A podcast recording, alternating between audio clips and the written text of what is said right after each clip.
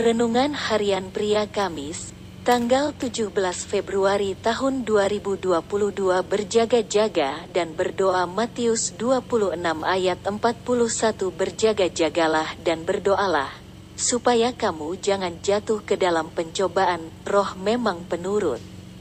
Tetapi daging lemah.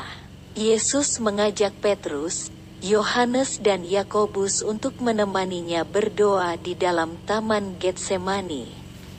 Karena pada waktu itu Yesus yang juga manusia 100%. Ia merasa sedih dan gentar untuk menghadapi salib. Tetapi Yesus mendapati mereka bertiga sedang tidur. Lalu Yesus membangunkan Petrus dan mengatakan bahwa mereka harus berjaga-jaga dan berdoa agar tidak jatuh ke dalam pencobaan. Ketiga muridnya itu tidak mengetahui apa yang sedang terjadi di alam roh. Ada peperangan rohani yang sedang dihadapi oleh Yesus, khususnya dan juga oleh para muridnya.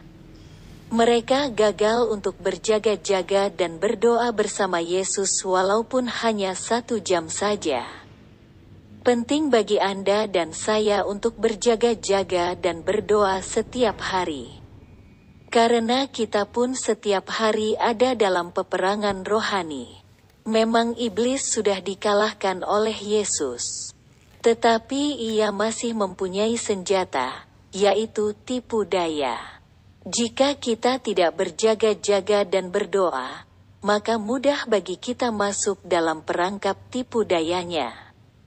Oleh karena itu, marilah kita senantiasa berjaga-jaga dan berdoa setiap hari. Awalilah setiap pagi dengan kita datang menyembah dan berdoa kepadanya serta membaca firman-Nya. Maka kehidupan kita akan selalu mengalami kemenangannya. Refleksi diri, apa yang firman Tuhan katakan kepada Anda? Bagaimana kehidupan Anda dengan firman Tuhan itu? Catat komitmen Anda terhadap firman Tuhan itu.